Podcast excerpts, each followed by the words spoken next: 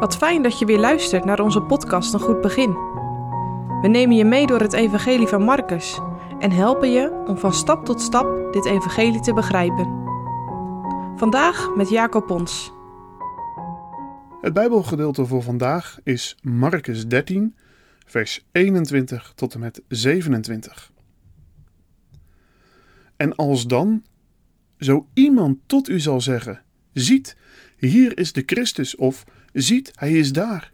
Geloof het niet, want er zullen valse Christussen en valse profeten opstaan en zullen tekenen en wonderen doen om te verleiden, indien het mogelijk ware, ook de uitverkorenen. Maar gij, lieden, zie toe, zie, ik heb u alles voorzegd. Maar in die dagen, na die verdrukking, zal de zon verduisterd worden en de maan zal haar schijnsel niet geven en de sterren des hemels zullen daaruit vallen, en de krachten die in de hemelen zijn, zullen bewogen worden. En alsdan zullen zij de zoon des mensen zien, komende in de wolken met grote kracht en heerlijkheid. En alsdan zal hij zijn engelen uitzenden en zal zijn uitverkorenen bijeenvergaderen uit de vier winden, van het uiterste der aarde tot het uiterste des hemels. Een gewaarschuwd mens telt voor twee.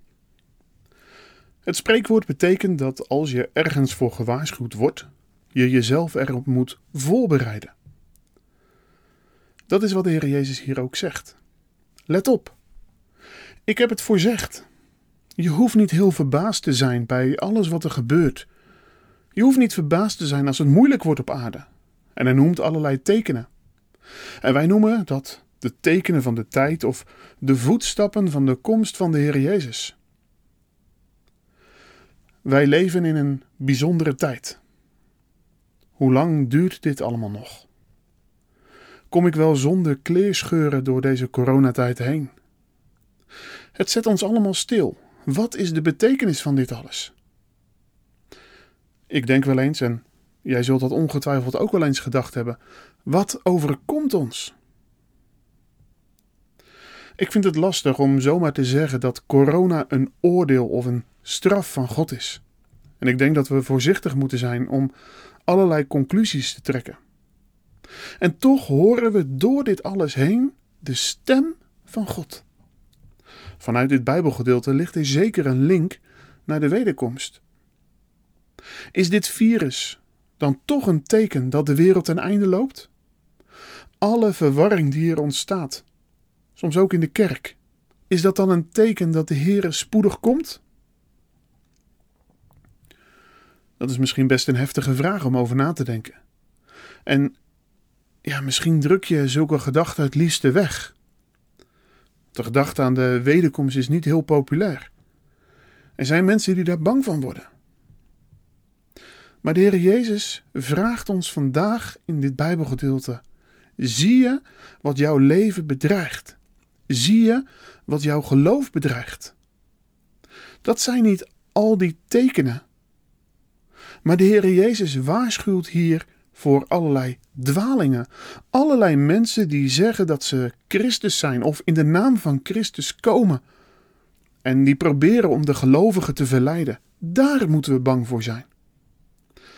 En de Heer Jezus noemt de tekenen van de tijd juist niet om een angstig gevoel op te wekken, maar hij noemt ze als een bemoediging midden in de verleidingen, midden in de aanvallen op het geloof van zijn kinderen, zal hij komen op de wolken van de hemel. Psalm 98 zegt dat zo mooi. Hij komt. Hij komt om de aarde te richten. Dan zal hij recht doen op aarde. Het onrecht zal dan worden gestraft. Je moet voor jezelf nog eens lezen wat Guido de Bres schrijft in de Nederlandse geloofsbelijdenis, artikel 37. Dat prachtige slot. Daarom verwachten wij die dag met een groot verlangen om ten volle te genieten de belofte van God in Jezus Christus onze Heer. Als je niet geborgen bent in Christus, als je alleen maar voor het hier en nu leeft, dan zal die dag verschrikkelijk zijn. Maar als je Hem toebehoort, dan ben je veilig. Word daarom niet bang van alles wat er gebeurt. De hemel en de aarde zullen verdwijnen, maar Zijn woorden zullen bestaan in eeuwigheid. Verlang je daarnaar? Alle tegenspoed op deze wereld zijn een bemoediging. Het zijn de voorweeën van de geboorte van een nieuwe hemel en een nieuwe aarde. Verwacht jij deze nieuwe hemel en die nieuwe aarde?